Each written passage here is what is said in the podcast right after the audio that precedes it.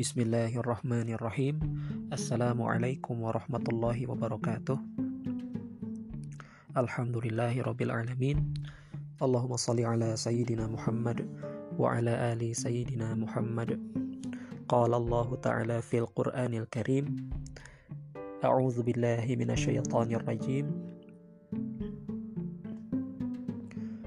Laqad kana lakum fi Rasulillahi uswatun hasanatun liman kana yarjullaha wal yawmal akhir wa dzakarallaha katsira. ya, apa kabar teman-teman? Uh, semoga teman-teman sekalian uh, berada dalam keadaan sehat walafiat dan senantiasa menyempatkan diri untuk menuntut ilmu terutama ilmu-ilmu keislaman. Ya, pada kesempatan kali ini uh, saya coba sampaikan tentang Sirah Nabawiyah yang ada di tangan saya ini itu adalah terjemahan Sirah Nabawiyah yang ditulis oleh Dr. Mustafa Asibai. Beliau ini uh, seorang ulama kalau tidak salah dari negeri Syam ya. Kalau tidak salah dari Suriah. Namun demikian eh, pada kesempatan kali ini saya hanya akan menyampaikan bagian mukadimahnya saja. Seperti itu ya. Ya kemudian kalau teman-teman ingin uh, membaca secara daring tentang Sirah Nabawiyah ini, teman-teman bisa buka uh, situs tarbawiyah.com sebagaimana materi-materi saya di podcast yang lain itu bersumber atau uh, berpedoman pada uh, urutan materi di situs tersebut ya. Ya, jadi Sirah Nabawiyah ini sebagaimana yang kita tahu gitu ya bahwa Sirah Nabawiyah ini adalah kisah hidup uh, Nabi kita Rasulullah Shallallahu Alaihi Wasallam. Ya inti utama dari uh, mempelajari sirah itu bukan hanya melihat uh, rekam jejak kehidupan Nabi kita Muhammad Shallallahu Alaihi Wasallam kemudian mengambil ibroh dari setiap peristiwa. Namun demikian, kita mempelajari sirah nabawiyah ini untuk melihat potret agama ini secara utuh, secara menyeluruh, sehingga kita dapat mempraktekannya di kehidupan kita, sebagaimana Rasulullah Shallallahu Alaihi Wasallam juga melakukannya, sebagaimana yang saya bacakan di awal tadi ayat Al-Qur'an. Laqad kana lakum fi rasulillahi uswatun hasanah. Ya jadi pada diri Rasulullah itu uh, terdapat teladan yang baik gitu. Bagaimana mungkin kita bisa meneladani beliau kalau kita tidak tahu kehidupan beliau secara detail Baik, kita coba perinci dulu sebenarnya apa sih tujuan dari mempelajari sirah nabawiyah ini. Jadi tujuannya yang pertama adalah memahami kepribadian Rasulullah Shallallahu Alaihi Wasallam melalui napak tilas kehidupan yang beliau lalui ya.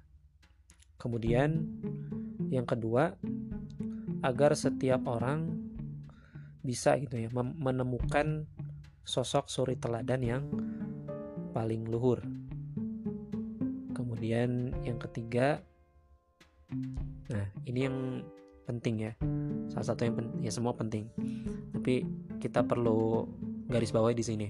Yang ketiga, agar kita sebagai Muslim semakin mudah untuk memahami Al-Quran sekaligus merasakan spirit yang dibawa ayat tersebut. Nah, Al-Quran ini diturunkan oleh Allah Subhanahu wa Ta'ala melalui malaikat Jibril kepada Rasulullah Shallallahu Alaihi Wasallam itu tidak sekaligus satu kitab, tapi diturunkan berangsur-angsur.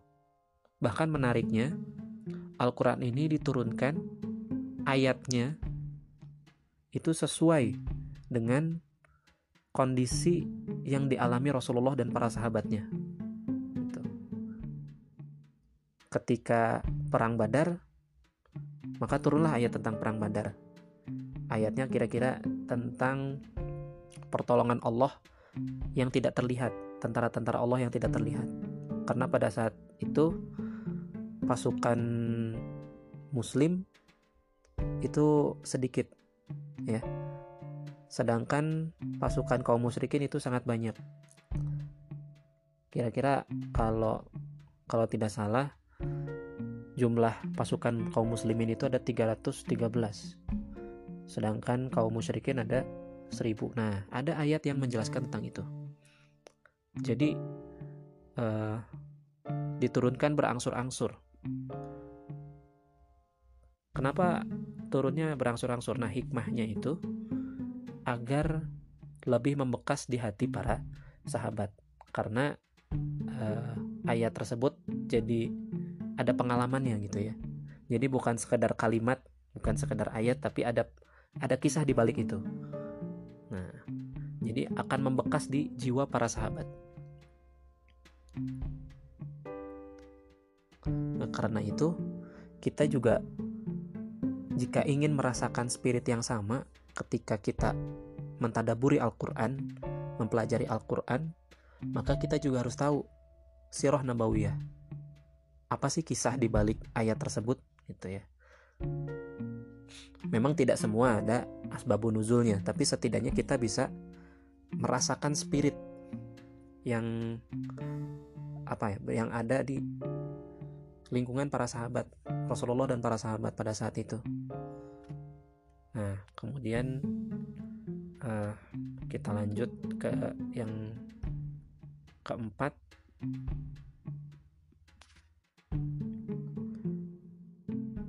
Kenapa uh, ya tujuan dari dipelajarinya Sirah Nabawiyah itu yang keempat adalah agar setiap muslim dapat menghimpun sebanyak mungkin manfaat yang terkandung di dalam peradaban dan ajaran Islam, baik yang menyangkut akidah hukum maupun akhlak karena Rasulullah Shallallahu Alaihi Wasallam adalah potret paling nyata yang menghimpun semua prinsip ajaran Islam.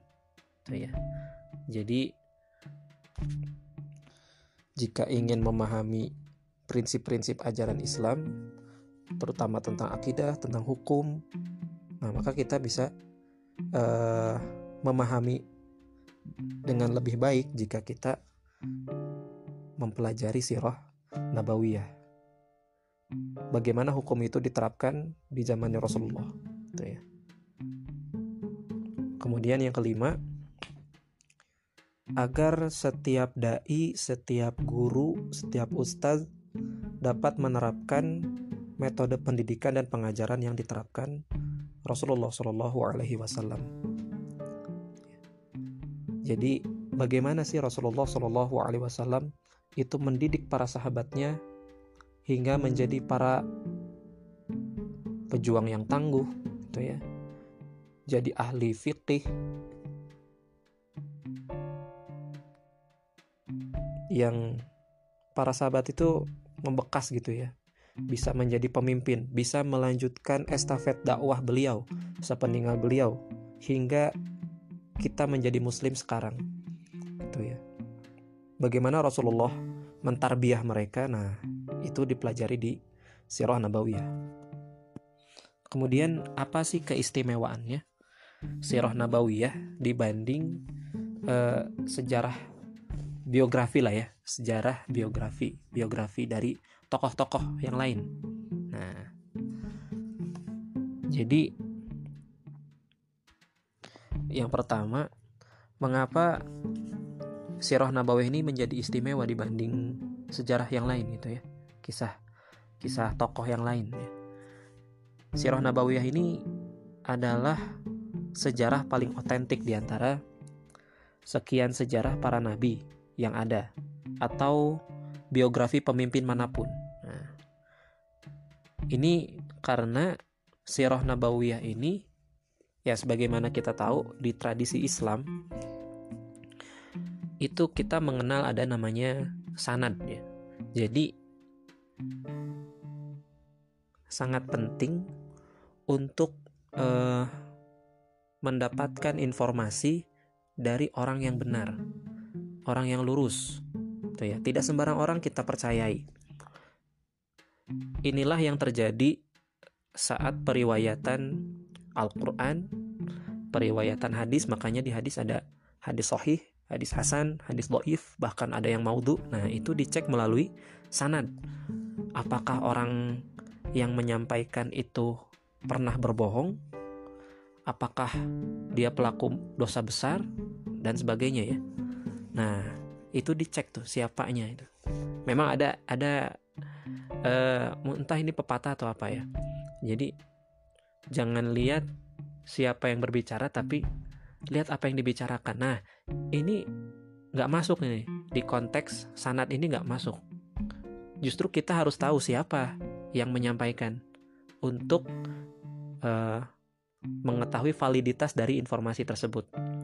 Jadi dari Rasulullah kepada para sahabat, kepada tabiin, tabiut tabiin, para ulama, sampai kepada kita. Nah, di Sirah Nabawiyah ini berlaku hal yang sama. Tuh ya. Jadi para penulis kitab-kitab Sirah Nabawiyah ini mereka mendapatkan kisahnya dari gurunya, gurunya dari gurunya, gurunya gurunya sampai kepada para sahabat yang menyaksikan sendiri kehidupan Rasulullah Shallallahu Alaihi Wasallam. Nah ini kita uh,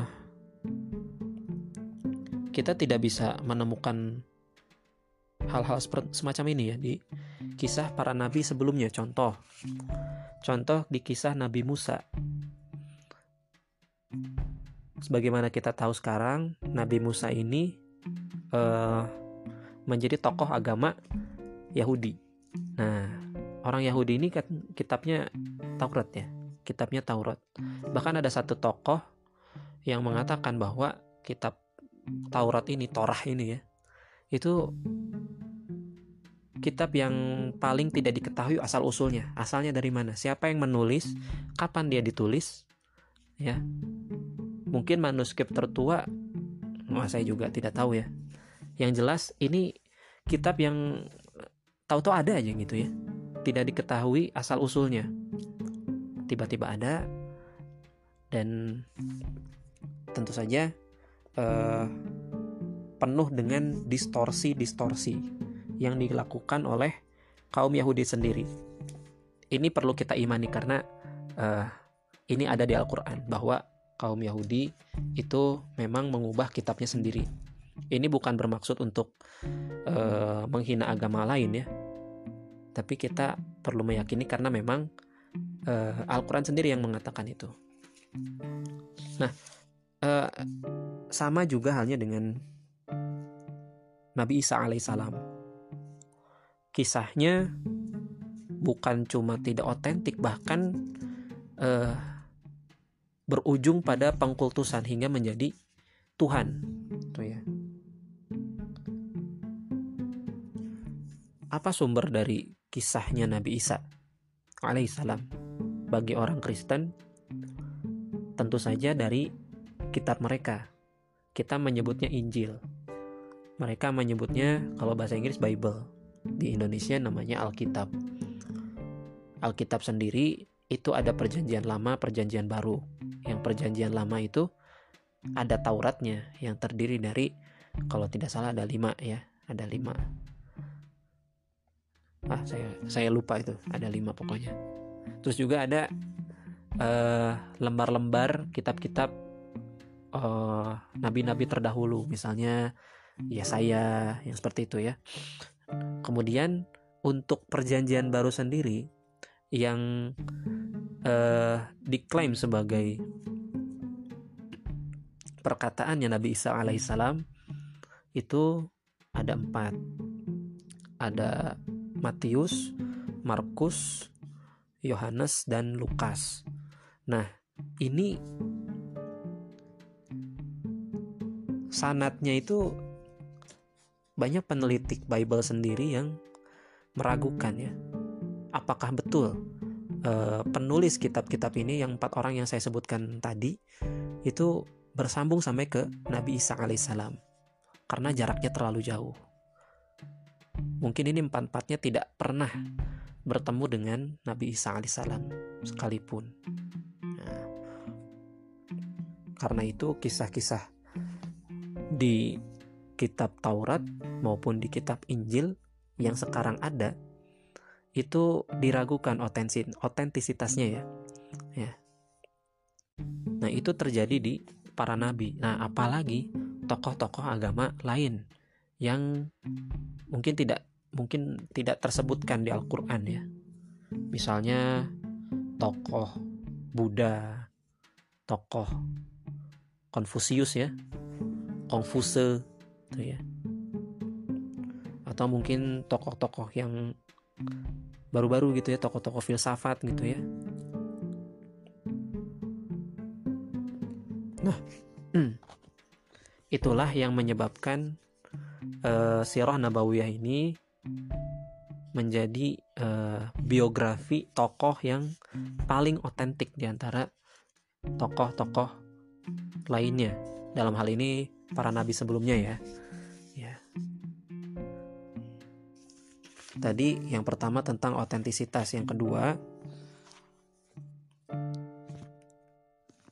uh, sesungguhnya kehidupan baginda Rasulullah Shallallahu Alaihi Wasallam itu jelas ya tahap demi tahapnya mulai dari pernikahan ayahnya yaitu Abdullah dan ibunya Aminah hingga wafatnya Rasulullah Shallallahu Alaihi Wasallam.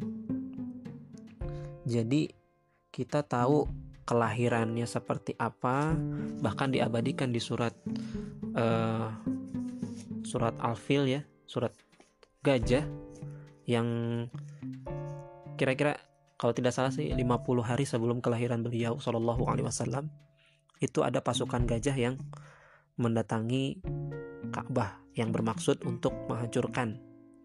Itu dipimpin oleh Abraha pasukan gajah yang kemudian mereka diluluhlantakan oleh burung ababil yang membawa kerikil-kerikil. Ya memang kerikilnya dari neraka ya jadi seperti uh, daun yang dimakan ulat gitu ya. Kemudian uh, kita tahu masa remajanya yang ketika beliau uh, menjadi pedagang kemudian beliau menikah dengan Khadijah kemudian beliau menjadi nabi. Nah, tahapan-tahapannya ini jelas gitu ya, jelas.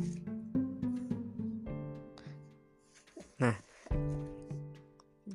tahapan kehidupan Rasulullah Shallallahu Alaihi Wasallam itu tidak bisa kita dapatkan di nabi-nabi sebelumnya. Contohnya Nabi Musa alaihissalam. Kita tidak menemukan informasi tentang masa kecil Nabi Musa alaihissalam secara rinci. Yang kita tahu uh, bayinya itu dihanyutkan di sungai. Nah, kemudian ditemukan oleh Asia, istrinya Firaun. Nah, ya begitu saja. Berbeda halnya dengan Rasulullah Shallallahu Alaihi Wasallam yang sampai-sampai uh, digelari Al-Amin di masa mudanya. Saking beliau itu dipercaya oleh kaum Quraisy pada saat itu. Namun setelah beliau menjadi nabi, menyampaikan risalah Islam, wah seakan-akan mereka lupa dengan gelar Al-Amin itu. Dikatakan orang gila, tukang sihir, ya. Pokoknya dibully lah habis-habisan. Nah, uh, Nabi Isa alaihissalam juga demikian. Kita tidak mengetahui secara rinci kehidupan beliau, ya.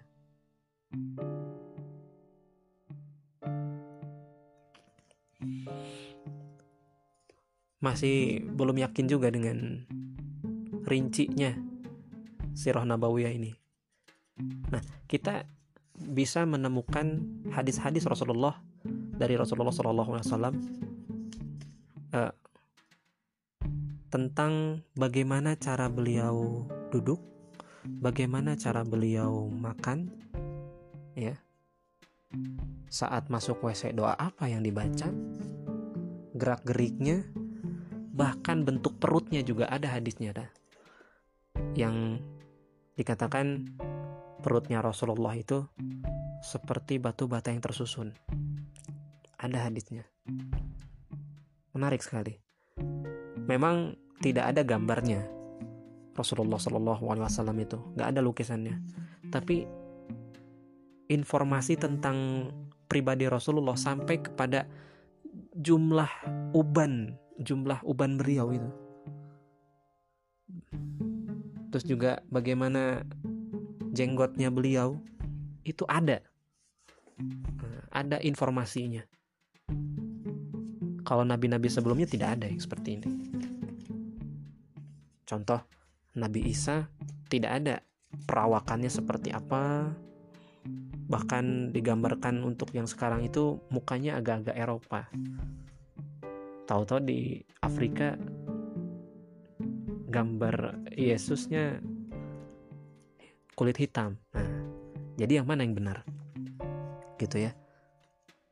Apakah ada kearifan lokal? Nah, ini artinya apa? Artinya nabi-nabi sebelumnya sebelum Nabi Muhammad Wasallam selain tidak otentik kisahnya itu validitasnya diragukan tapi juga tahapan-tahapannya itu rinci-rincinya itu tidak ada. Itu ya. Oke sudah dua ya. Mengapa ini istimewa? Kemudian yang ketiga kisah Rasulullah Shallallahu Alaihi Wasallam yang begitu agung, manusia terbaik, ya. Kisahnya itu tetap berada pada sisi manusiawi. Ya, Rasulullah bisa terluka, Rasulullah bisa berdarah, tuh ya. Sampai kalau tidak salah giginya rontok di perang Uhud betapa manusiawinya Rasulullah Shallallahu Alaihi Wasallam sehingga kita yang memuliakan beliau itu tidak sampai mengkultuskan hingga mencapai level yang berlebihan. Bahkan mungkin level Tuhan gitu ya. Atau level dewa ya. Ini tidak terjadi di uh, kisah Nabi Muhammad SAW sirah nabawiyah. Kemudian yang keempat sirah nabawiyah itu mencakup seluruh sendi kehidupan manusia maksudnya gini uh, kita bisa melihat sisi-sisi kehidupan Rasulullah SAW misalnya Rasulullah sebagai ayah seperti apa? Rasulullah sebagai panglima perang seperti apa? Rasulullah sebagai pedagang seperti apa? Rasulullah di masa mudanya seperti apa? ya. Rasulullah sebagai pemimpin politik tertinggi seperti apa? ya. Rasulullah sebagai seorang sahabat seperti apa? Sebagai seorang suami seperti apa? Sebagai seorang ayah seperti apa? ya. Sebagai seorang anak seperti apa? Itu ya. Jadi uh, berbagai kalangan bisa uh, melihat berbagai sisi kehidupan Rasulullah Shallallahu Alaihi Wasallam dari sudut pandang yang berbeda. Berbeda-beda tergantung mereka ingin melihatnya seperti apa. Dengan begitu, kita bisa melihat nih uh, jadi pedagang ala Rasulullah tuh seperti apa. Jadi seorang ayah sebagaimana Rasulullah seperti ayah seperti apa kita pengen jadi guru itu ya pengen jadi murabbi yang mendidik sehingga murid-muridnya seperti sahabat-sahabatnya itu seperti apa itu bisa dipelajari melalui sirah nabawiyah kemudian uh, nah kalau kita bandingkan dengan nabi-nabi sebelumnya balik lagi nih ke Nabi Musa dan Nabi Isa. Mungkin Nabi Musa kita tahu sebagai pemimpin umat yang menyelamatkan kaumnya dari uh, siksaan apa ya raja Mesir Firaun ya. Kemudian ya yeah, that's all. Kita tidak tahu uh, bagaimana Nabi Musa menjadi seorang misalnya ya menjadi seorang ayah atau menjadi pemimpin politik. Itu. Bagaimana Nabi Musa sebagai pemimpin perang kita tidak tahu. Nabi Isa pun demikian. Kita tidak tahu kapan Nabi Isa menjadi pemimpin politik kapan Nabi Isa menjadi ayah dan memang dalam ya yang kita tahu Nabi Isa itu tidak menikah ya walaupun memang seingat saya kalau di ajaran Kristen itu beliau menikah dengan Maria Magdalena. Jadi tidak ada jadi kisahnya itu tidak menyentuh setiap sendi kehidupan. Berbeda halnya dengan Sirah Nabawiyah yang bisa menyentuh berbagai sendi kehidupan sehingga kita dengan berbagai profesi, dengan berbagai peran bisa melihat dan mencontoh kehidupan beliau Shallallahu Alaihi Wasallam. Nah, kemudian yang kelima, sesungguhnya sirah nabawiyah itu bisa memberikan dalil kepada kita yang tidak ada sedikit pun celah keraguan di dalamnya akan kebenaran risalah dan kenabiannya. Jadi e, melalui sirah nabawiyah ini kita menjadi yakin bahwa ajaran yang dibawa oleh Rasulullah itu benar, bukan sebuah kebohongan, gitu ya.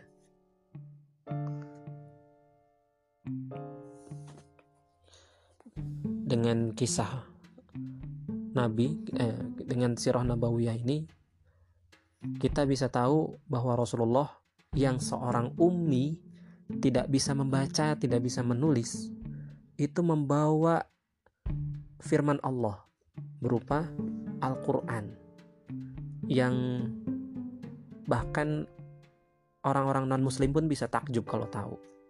Di situ banyak sekali ayat-ayat misalnya ayat-ayat tentang sains, ayat-ayat misalnya tentang astronomi, ya kan?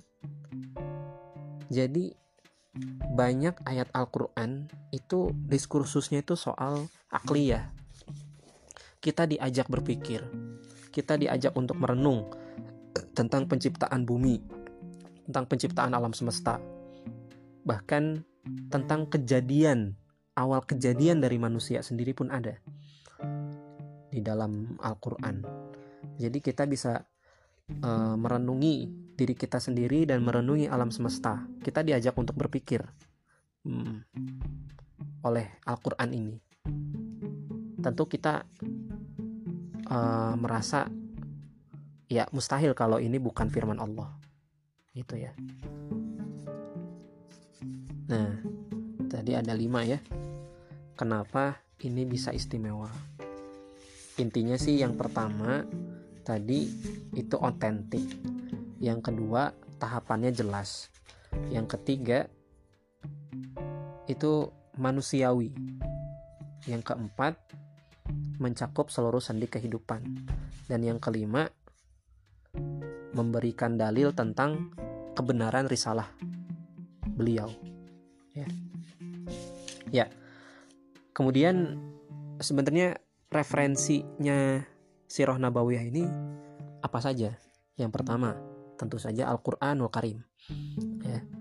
Jadi mungkin sudah diungkit sedikit di awal bahwa Al-Qur'anul Karim ini diturunkan secara berangsur-angsur ya diturunkan secara berangsur-angsur agar membekas pada diri para sahabat karena sebagian di antaranya itu memang ayat itu turun ketika memang kejadian itu terjadi itu ya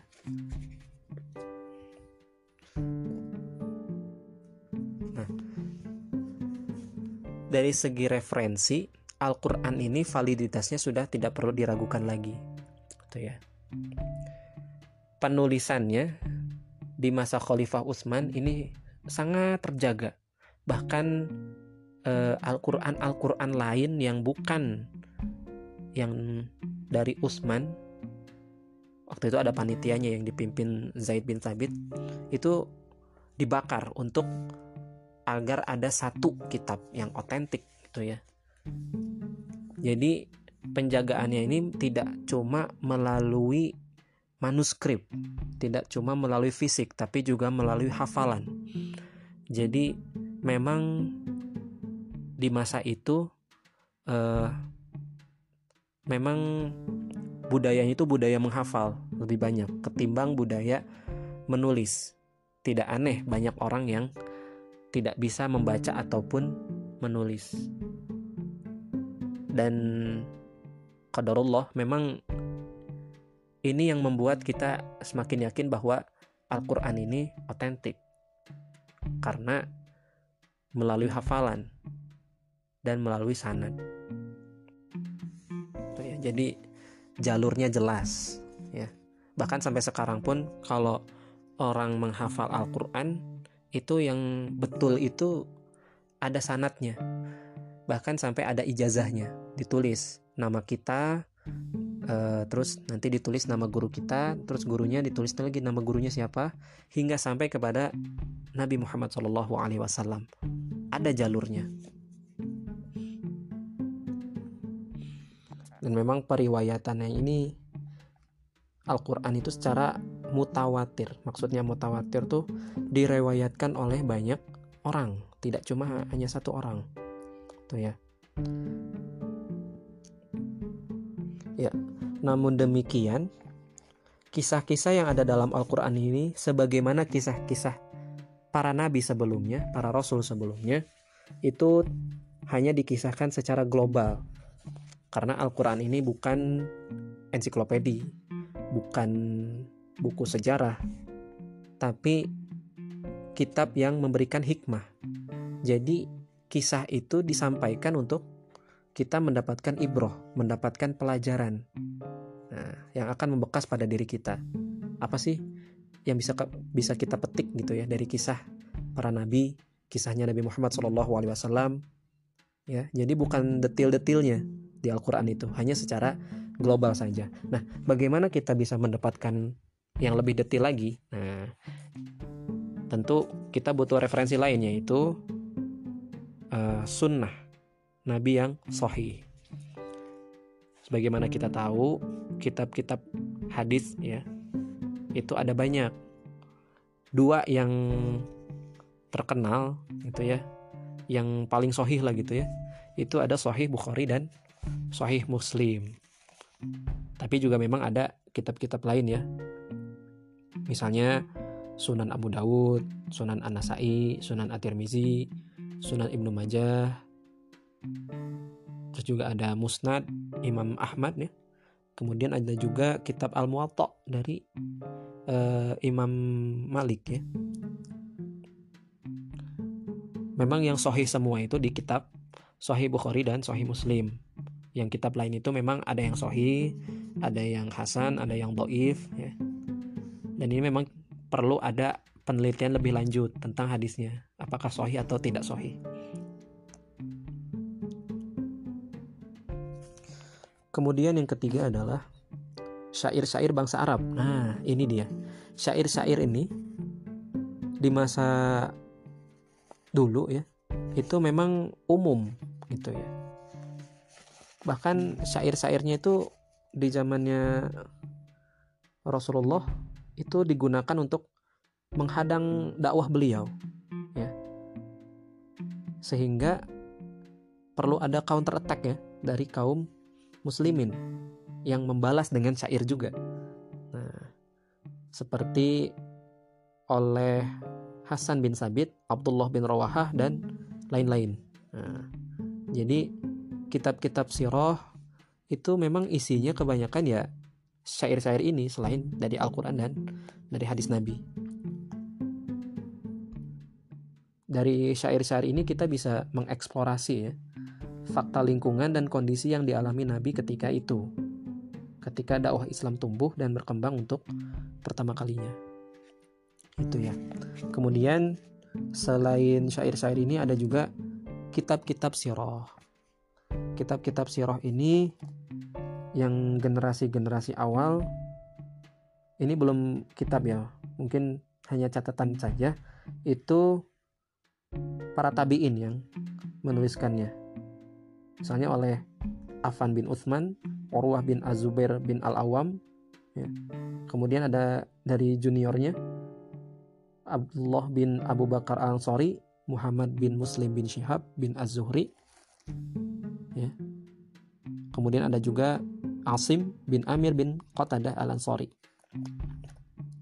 Nah, yang terkenal itu adalah dari Muhammad bin Ishaq bin Yasar. Namun demikian, Ibnu Ishaq ini kitabnya yang kita tahu adalah Sirah Al-Maghazi. Nah, itu hilang, tidak ada. Namun demikian, ada periwayatannya ke Ibnu Hisham. Maka yang terkenal itu memang kitab sirah itu adalah sirah Ibnu Hisham yang merupakan hasil periwayatan dari Ibnu Ishaq melalui kakeknya Ibnu Hisham. Ya. Dan ini sudah masyhur lah ya, udah terkenal banget kitab Sirah Ibnu Hisham ini kitab yang paling lengkap gitu ya tentang Sirah Nabawiyah. Paling mendalam dan mendapat sambutan hangat gitu ya dari masyarakat. Kemudian selain Sirah Ibnu Hisham ada juga Tobakot Ibnu Sa'ad gitu ya. Ada juga Tarikh Tobari. Kalau Tarikh Tobari memang eh, kisah Nabi sebelumnya pun ada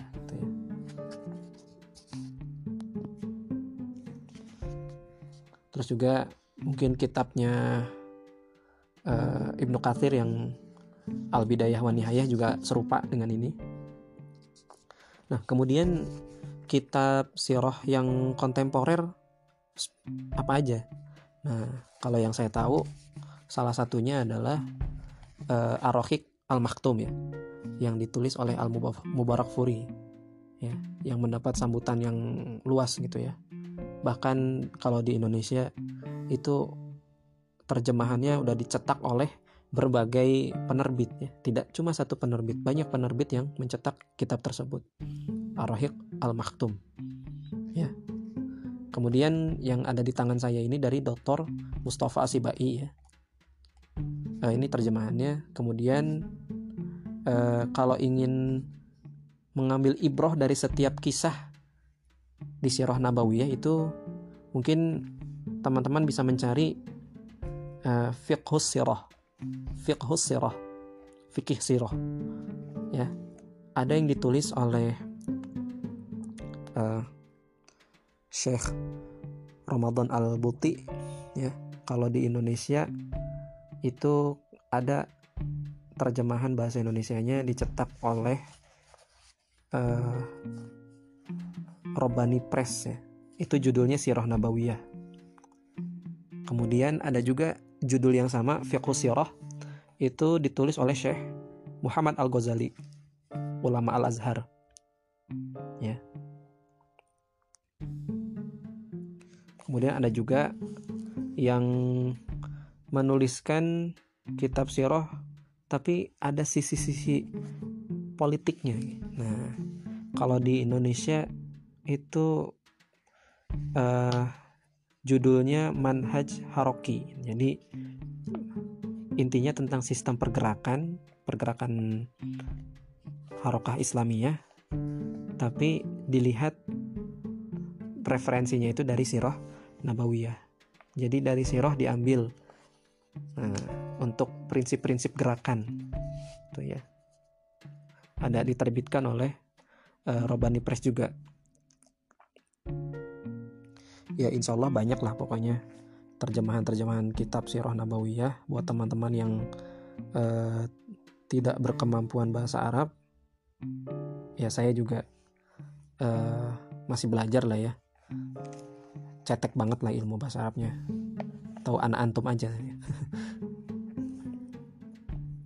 Teman-teman bisa terbantu gitu ya dengan banyak terbitan buku Sirah Nabawiyah yang dengan begitu kita bisa mengambil ibroh kita bisa mencontoh perilaku Nabi kita bisa uh, menjadikan beliau betul-betul sebagai suri teladan. Ya. Ya demikian uh, dari saya. Semoga bermanfaat. Billahi taufiq wal hidayah. Assalamualaikum warahmatullahi wabarakatuh